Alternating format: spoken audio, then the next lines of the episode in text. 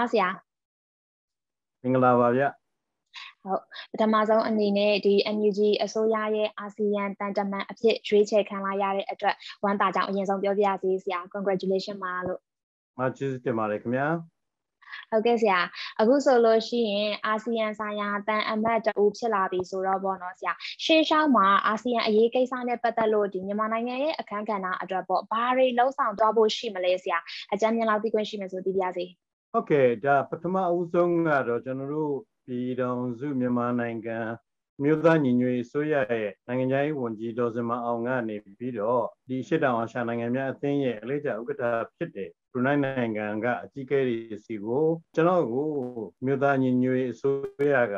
မြန်မာနိုင်ငံရဲ့တစ်ခုတည်းသောရေဝင်စိုးရရဲ့ကိုယ်စားလှယ်ဖြစ်ပေါ့နော်ဒီအာဆီယံဆိုင်ရာတာမတ်ကြီးဖြစ်ခန့်အပ်ပေးလိုက်တဲ့အတွက်ကိုအာဆီယံတစ်ခုကျင်းပနေတဲ့အာဆီယံ summit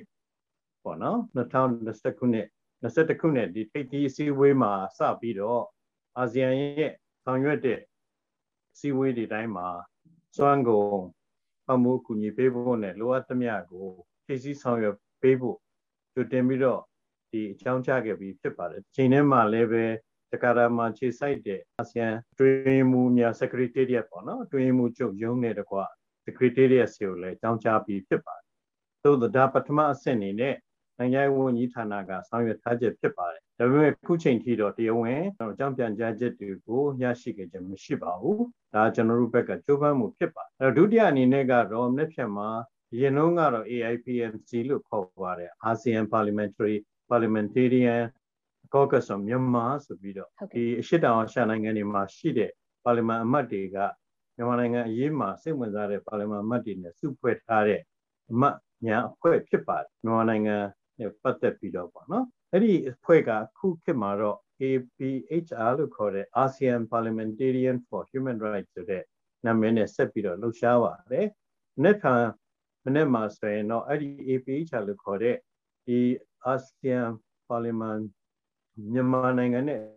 လူခွင့်ရေးဆိုင်ရာပေါ့နော်အာဆီယံပါလီမန်များအမှတ်ဖွဲ့ကကြီးမှုကျင်းပါတယ်သတင်းစာရှင်းလင်းပွဲတရက်ကို ဖိတ်ကြားထားတဲ့အတွက်ကျွန်တော်အနေနဲ့အဲ့မှာတက်ရောက်ပြီးတော့မြန်မာနိုင်ငံနဲ့တကွာကျွန်တော်တို့မြို့သားညီညွတ်ရေးအစိုးရရဲ့လက်ရှိအာဆီယံစမစ်ကနေပါရီမျိုးလင့်နဲ့အနာဂတ်မှာဒီအာဆီယံအနေနဲ့ပါရီဆောင်ရွက်သွားတဲ့နဲ့ကျွန်တော်တို့ပြည်သူပြည်သားတွေကဘယ်လိုမြင်ချင်တယ်ဆိုတဲ့ကိစ္စတွေကိုဆွေးနွေးဆောင်ရွက်သွားမှာဖြစ်ပါတယ်။ကြံမြင့်အားဖြင့်တော့လက်ရှိမှာအာဒါတွေကိုဆောင်ရွက်ပြီးချိန်ထဲမှာကျွန်တော်တို့ဒီရှစ်တောင်အာရှနိုင်ငံ ဖွဲ့ကြီးတဲ့ကနေမှအထူးမြန်မာနိုင်ငံအရေးနဲ့ပတ်သက်လို့ထူးထူးချွန်ချွန်စိတ်ဝင်စားမှုပို့ပြီးတော့ပြသထားတဲ့အင်ဒိုနီးရှားနိုင်ငံတို့မလေးရှားနိုင်ငံတို့စင်ကာပူနိုင်ငံတို့အစရှိတဲ့နိုင်ငံအသင်းဝင်နိုင်ငံတွေနဲ့ပို့ပြီးတော့ထိထိရောက်ရောက်ထိဆက်ဆောင်ရွက်သွားဖို့ပြင်ဆင်မှုတွေလည်းပဲလုပ်ထားတာရှိပါတယ်ခင်ဗျလောလောဆယ်တော့အဲ့ဒီပြင်ဆင်မှုတွေနဲ့ကျိုးပန်းဆောင်ရွက်မှုတွေကိုစင်စိုက်လုပ်သွားမှာဖြစ်ပါတယ် ဟုတ်ကဲ့ဆရာဆိုတော့ပေါ့နော်အာဆီယံတန်အမတ်တအုပ်အနေနဲ့မေးချင်တာပေါ့ဆရာအရင်ကဆိုလို့ရှိရင်အာဆီယံရဲ့သဘောထားကဒီပျော့ပြောင်းတဲ့အပြင်ကိုပြည်တွင်းအရေးဝင်မဆွတ်ရေးဆိုတဲ့မူနဲ့မြန်မာနိုင်ငံကလူအခွင့်အရေးချိုးဖောက်မှုတွေနဲ့ပတ်သက်လို့ပေါ့နော်အာဆီယံကရင်ကုန်နှုတ်ပိတ်နေခဲ့တယ်ပေါ့အဲ့ဒီလိုအာဆီယံကအပြုသဘောဆက်ဆံရေး policy ကိုတောက်လျှောက်ကျင့်သုံးခဲ့လို့အာဆီယံဆိုရင်မြန်မာလူထုကအားမရခဲ့ဘူးအားမကိုခဲ့ဘူးပေါ့လေဟုတ်ဒါပေမဲ့အခုဒီတစ်ခေါက်အာဆီယံခေါင်းဆောင်တွေရဲ့ထိပ်သီးအစည်းအဝေးမှာစစ်တပ်ခေါင်းဆောင်ကိုချန်လှပ်ထားခဲ့တယ်မြန်မာကိုယ်စားလှယ်ကိုချန်လှပ်ထားခဲ့တဲ့အခြေအနေထိဖြစ်လာတော့ဒီမြန်မာပြည်သူတွေကအားရကြတယ်ပေါ့ဟုတ်ကဲ့ဆရာဆိုတော့မေးချင်တာကအခုဖြစ်နေတဲ့အခြေအနေကပေါ့နော်ဒီရေရှည်ဒီလိုမျိုးပုံစံအတိုင်းပဲဖြစ်သွားနိုင်မလားဆရာအဲ့ဒါကတော့ဒီကနေ့ကျင်းပနေတဲ့အာဆီယံထိပ်သီးအစည်းအဝေးဆုံးဖြတ်ချက်တွေဘာတွေထွက်ပေါ်လာမလဲဆိုတဲ့အပေါ်မှာပထမအဆင့်အနေနဲ့စောင့်ကြည့်ကြရမှာဖြစ်ပါတယ်ကျွန်တော်အနေနဲ့ကတော့တိုင်းသားလူမျိုးပေါင်းစုံမြန်မာမိဘပြည်သူတွေရဲ့ကိုစား မြို့သားညီညွတ်အစိုးရရဲ့ကိုစားကျွန်တော်တို့တိုင်းပြည်ကကျွန်တော်တို့ပြည်သူတွေကမြင်ကျင်တဲ့အာဆီယံဖွဲ့စည်းရဲ့အရေးသွေးတွေနဲ့ပတ်သက်ပြီးတော့ဒီဇိုင်းမမှာကျွန်တော်တို့ကတိုက်တွန်းဆောင်ရွက်သွားမှာဖြစ်ပါတယ်အဲ့ဒီလိုအခုဆိုလို့ရှိရင်တော့ခုနတင်ပြသွားသလိုပဲအာဆီယံဖွဲ့ဟာသူ့ရဲ့တမျိုးကြမဟုတ်တဲ့ဖွဲ့ဝင်နိုင်ငံတနိုင်ငံကိုခြံလက်ပြီးတော့မှစီဝေးလုပ်တယ်ဆုံးဖြတ်ချက်တွေချမှတ်မယ်ဆိုတာဟာသူ့ရဲ့အရင်က ဖွဲ့ဝင်နိုင်ငံများရဲ့ပြည်တွင်းရေးတို့လူအခွင့်အရေးဆိုင်ရာချိုးဖောက်မှုတို့ကိစ္စတွေမှာပတ်သက်ဖို့နေခဲ့တဲ့ non interference policy စီကနေပြီးတော့ပထမဆုံးချိန်အနေနဲ့စတင်ပြီးတော့ကျွန်တော်တို့အာထူးခြားစွာပထမခြေလမ်းတစ်လမ်းအောင်စလှမ်းတယ်လို့ကျွန်တော်တို့ကသုံးသပ်ပါတယ်အဲ့ဒီလိုအာဆီယံကိုနိုင်ကဟိုနိုင်ငံတကာမိသားစုနဲ့တကွာဒေသတွင်းပြည်သူလူထုကမြင်ကျင်တဲ့ အင်မတန်မှကိုအားကိုးရတဲ့ဒေသတွင်းဆိုင်ရာအဖွဲ့အစည်းတစ်ခုဖြစ်လာဖို့ဒေသတွင်းအဖွဲ့ဝင်နိုင်ငံတွေရဲ့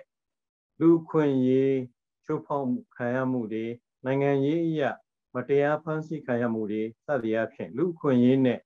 လူသားချင်းစာနာထောက်ထားမှုဆိုင်ရာပြိပက္ခတွေကိုကူညီပံ့ပိုးကာကွယ်ပေးနိုင်တဲ့အဖွဲ့အစည်းဖြစ်လာဖို့ကျွန်တော်တို့က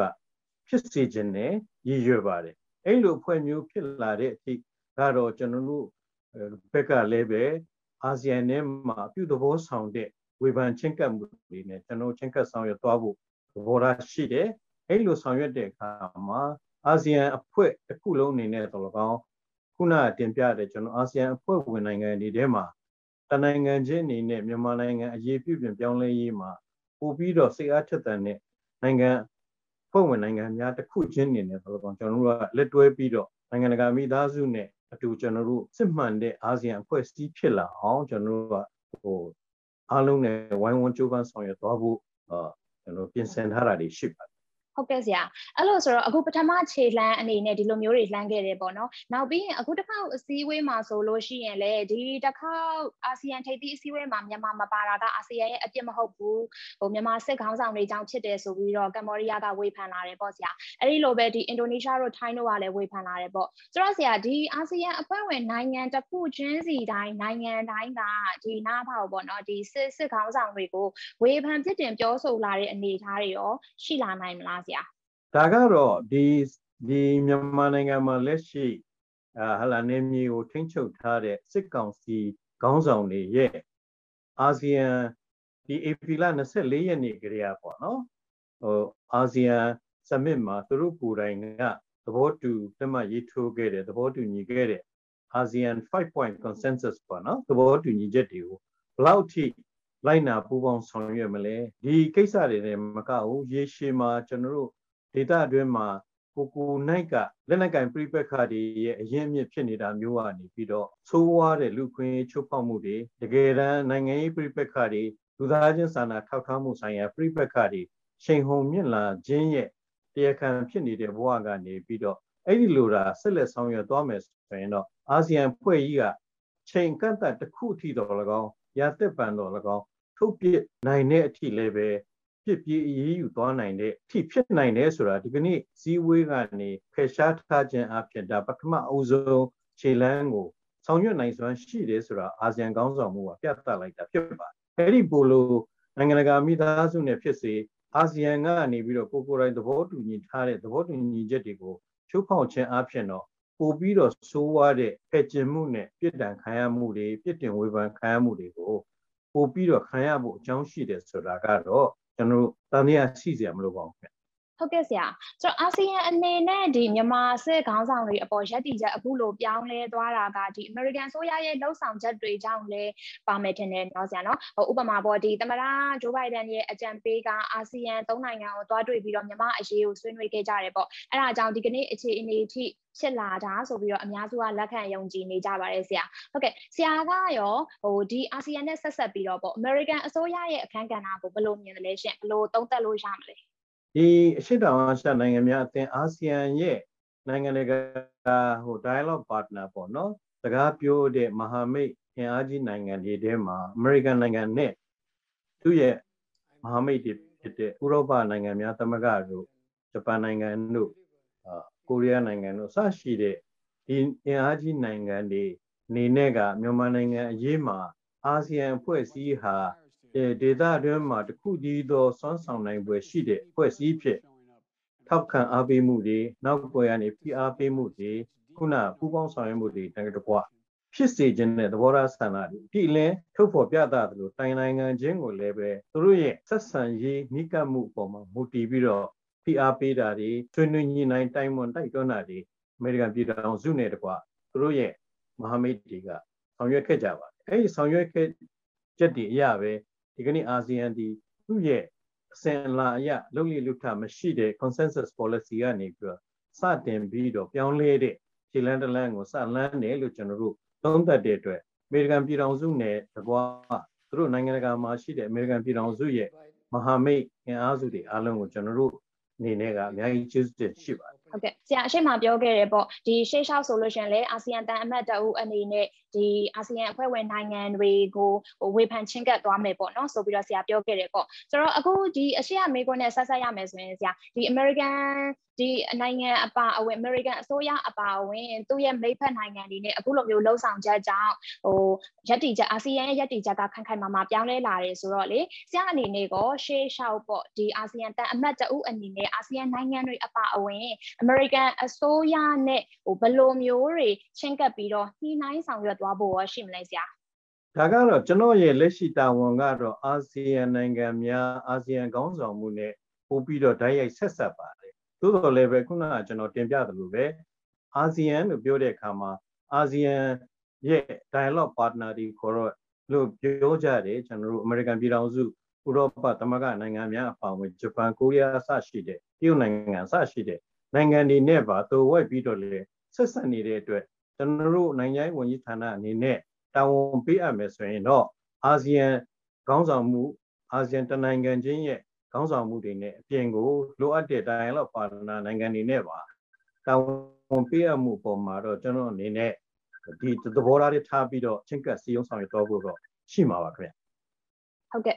ဟုတ်ကဲ့ပါဆရာနောက်ထပ်အကြောင်းအရာတစ်ခုပေါ့နော်မေးပြစီအဲ့ဒါကဒီလက်တလောခန့်အပ်လိုက်တဲ့အာဆီယံတန်အမတ်တအူအနေနဲ့ပေါ့ဒီနေ့ပြုလုပ်မဲ့ APHR အာလူအခွင့်ရေးဆိုင်ရာအာဆီယံပါလီမန်အမတ်များအဖွဲ့ရဲ့သတင်းစာရှင်းလင်းပွဲကိုတက်မယ်ပေါ့နော်ဒီမှာမြန်မာနိုင်ငံမှာဒီလူအခွင့်ရေးချိုးဖောက်ခံရမှုနဲ့ပတ်သက်တဲ့ဟာတွေကိုဆရာတို့ပြောမယ်လို့သိထားပါတယ်ဆရာဆိုတော့မြန်မာနိုင်ငံမှာလူအခွင့်ရေးချိုးဖောက်ခံရမှုကအရင်ကတည်းကရှိခဲ့တယ်ဆိုပေမဲ့အခုဒီစစ်အာဏာသိမ်းလိုက်တဲ့အချိန်မှာတော်တော်ကိုစိုးစိုးရွားရွားနဲ့လူတိုင်းကနေ့စဉ်နဲ့အများလူအခွင့်ရေးချိုးဖောက်ခံရရတယ်ပေါ့ဟုတ်ကဲ့ဒီအခြေအနေတွေကိုဟိုဒီအခြေအနေနဲ့ပတ်သက်ပြီးတော့ပေါ့နော်ဘလောက်အထိဆရာတို့တင်ပြသွားဖို့ရှိမလဲနောက်ပြီးရင်ဒီသတင်းစာရှင်းလင်းပွဲမှာဒီလိုမျိုးပြောပြပြီးတဲ့အခါမှာရောဘလို့ရလတ်မျိုးရလာနိုင်မယ်လို့ဆရာတို့ခံမှန်းထားလဲရှင်အဓိကဒီသတင်းစာရှင်းလင်းပွဲရဲ့ခေါင်းစဉ်နဲ့မျှော်လင့်ချက်ကတော့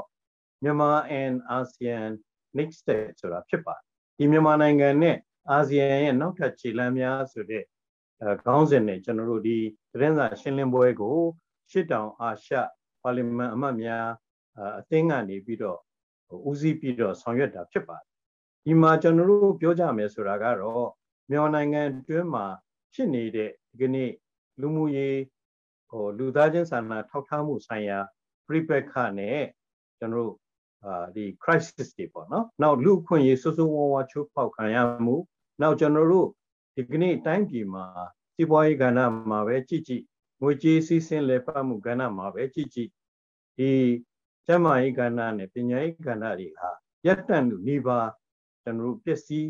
ဆုံးရှုံးနေတာနေတဲ့ကိစ္စတွေနဲ့ပတ်သက်ပြီးတော့ဒါရီယာတော့ဖြင့်ကျွန်တော်တို့လက်ရှိတိုင်းပြည်ကိုဟို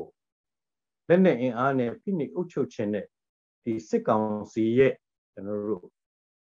ရေချင်းကင်းမဲ့မှုကြောင့်ဖြစ်ပေါ်လာတဲ့အကျိုးဆက်တွေဖြစ်ကျွန်တော်အာဆီယံခေါင်းဆောင်မှုနဲ့တကွာနိုင်ငံတကာမီဒီယာတွေကဆင့်နိုင်ငံတကာကိုပို့ပြီးတော့အချက်လက်နဲ့တိတိကျကျသိရအောင်လို့ချင်းကပ်တင်ပြသွားမှာဖြစ်ပါတယ်ကျွန်တော်အနေနဲ့ကတော့ကျွန်တော်တို့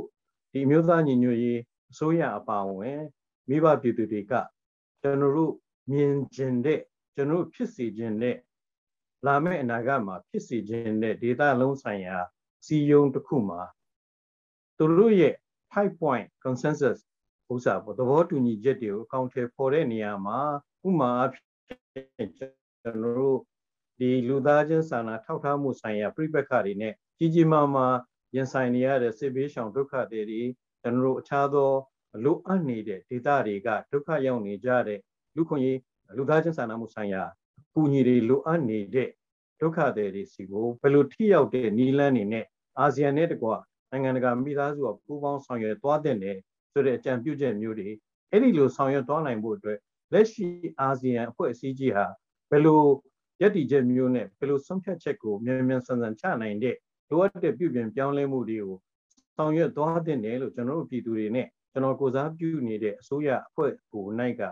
မြင်တယ်လဲဆိုတာတွေကိုချင်းကပ်တင်ပြသွားမှာဖြစ်ပါတယ် ဟုတ်ကဲ့ဆရာအဲ့လိုဆိုတော့ဒီသတင်းစာရှင်းလင်းပွဲနဲ့ဆက်ဆက်ပြီးတော့ပဲထပ်ပြီးတော့မေးရမယ်ဆိုရင်ပေါ့နော်ဒီမြန်မာနိုင်ငံမှာစစ်ကောင်းဆောင်တွေနဲ့ဒီစစ်တပ်ရဲ့လူအခွင့်အရေးချိုးဖောက်နေမှုတွေကိုနိုင်ငံတကာကဒီပြင်းထန်တဲ့ action ယူလာစေဖို့အတွက်ပေါ့နော်ဒီကနေ့သတင်းစာရှင်းလင်းပွဲရောရှေ့လျှောက်မှာရောဘယ်လိုတွေကြိုးပမ်းသွားဖို့ရှိမလဲရှင်အဲ့ဒီလိုလူခွင့်ရေးတယ်မကပါဘူးဒီနေ့မြန်မာနိုင်ငံတွင်းမှာဖြစ်နေတဲ့အမျိုးမျိုးသော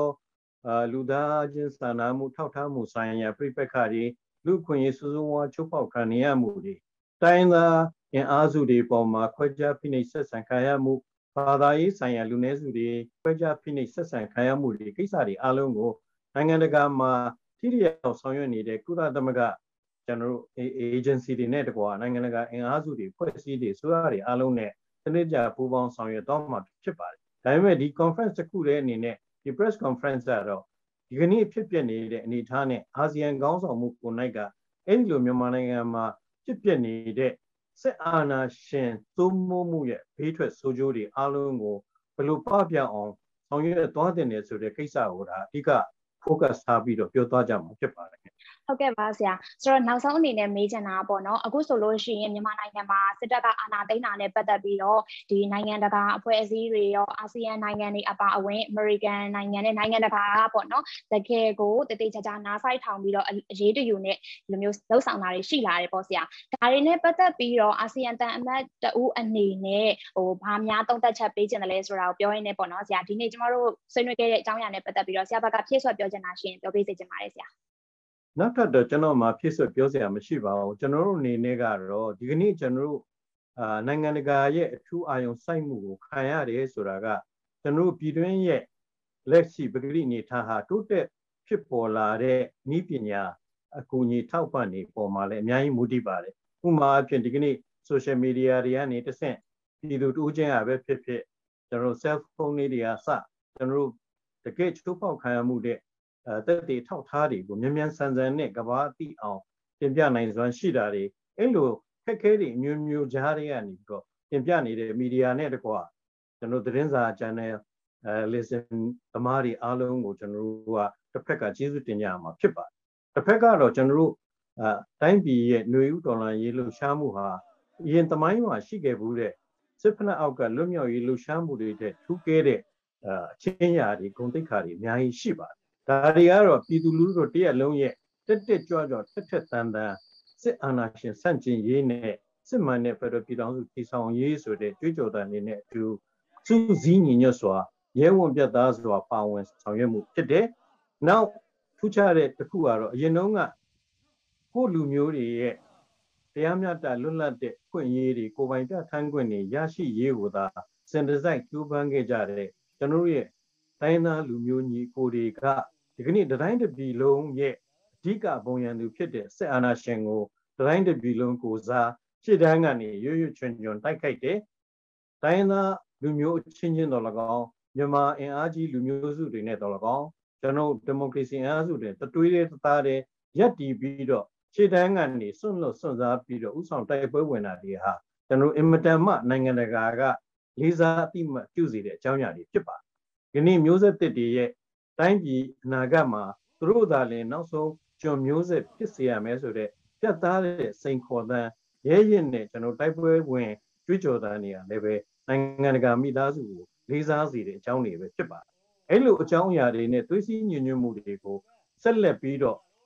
ထိမ့်သိမ့်နိုင်မယ်ဒီထက်ပိုလို့ပုံပြီးတော့ချစ်လက်ခိုင်မာတဲ့သွေးစည်းညီညွတ်မှုကိုသာကျွန်တော်တီထောင်နိုင်မယ်ဆိုခဲ့လို့ရှိရင်ဒီထက်ပိုပြီးတော့လင်းနေတဲ့အာယုံစိုက်မှုနဲ့ ကူညီပံ့ပိုးမှုတွေကိုရရှိမှာဖြစ်ပါတယ်။ဒါကြောင့်မို့လို့ကျွန်တော်တို့ကပြည်သူလူထုကို